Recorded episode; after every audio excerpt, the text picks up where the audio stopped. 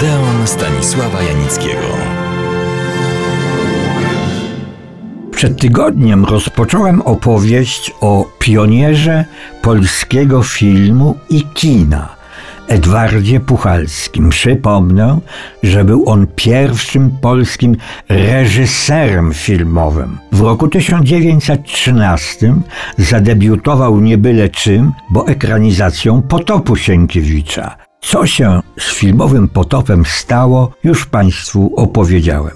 Ukończyła jego realizację w czasie wojny wytwórnia rosyjska z mistrzem aktorstwa Iwanem Morzuchinem w roli Wołodyjowskiego. I ja próbowałem dotrzeć do tego filmu w moskiewskim archiwum filmowym. Niestety bez rezultatu.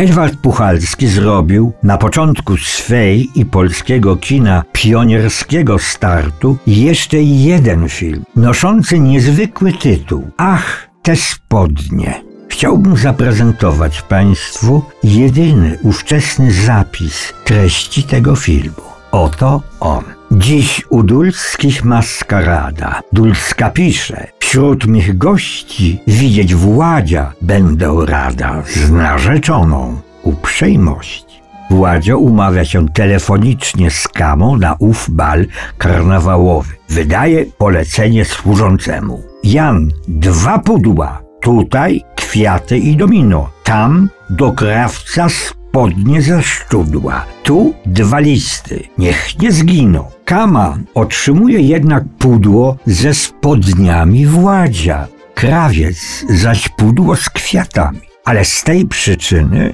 że Jan wpadł na jednego, a potem jeszcze golnął na drugą nogę i pomylił pudła. Kama przebiera się w spodnie Władzia, a Władzio wpadł do krawca i porwał mu parę cudzych kordów. Trwa bal. Władzio spojrzał w spodniach Kama, w moich, a sam wciąż podciąga to, co nosi. Chłop jak brama brzuch miał, a ja mam, mam kształt drąga. Na balu zjawia się krawiec. Następuje gonitwa za uciekającym władziem, który gna, zrywając paniom stroje, po czym pada jak długi. Shocking, skandal, płoną panie, co to znaczy? To cicheca, władzia białe, rozebranie, mimo woli śmiech podnieca, lecz na pomoc śpieszy mama i dezabil płaszczem skrywa. Zasłania też władzia kama i tu obraz się urywa. Zaś sens tego sam się rai. U nas tak jest oczywiście. Choć sług sześć masz i lokai, czyń sam wszystko osobiście.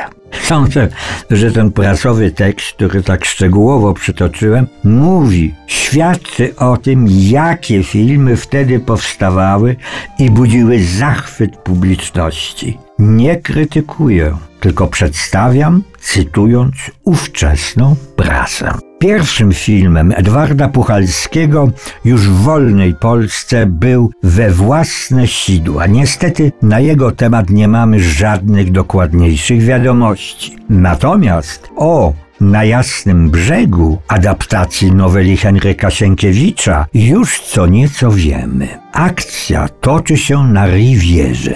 Prawie 50-letni malarz kocha 35-letnią wdowę Helenę Olsen. Choć kocha się w niej liczne grono, oświadczyny Świrskiego zostają przyjęte. Tego dnia Świrski zrobił dwie trzecie drogi do raju. Następnie wyjechał z dreszczem rozkoszy w kościach, lecz zarazem i przekonaniem, że wrota otworzy mu dopiero małżeństwo.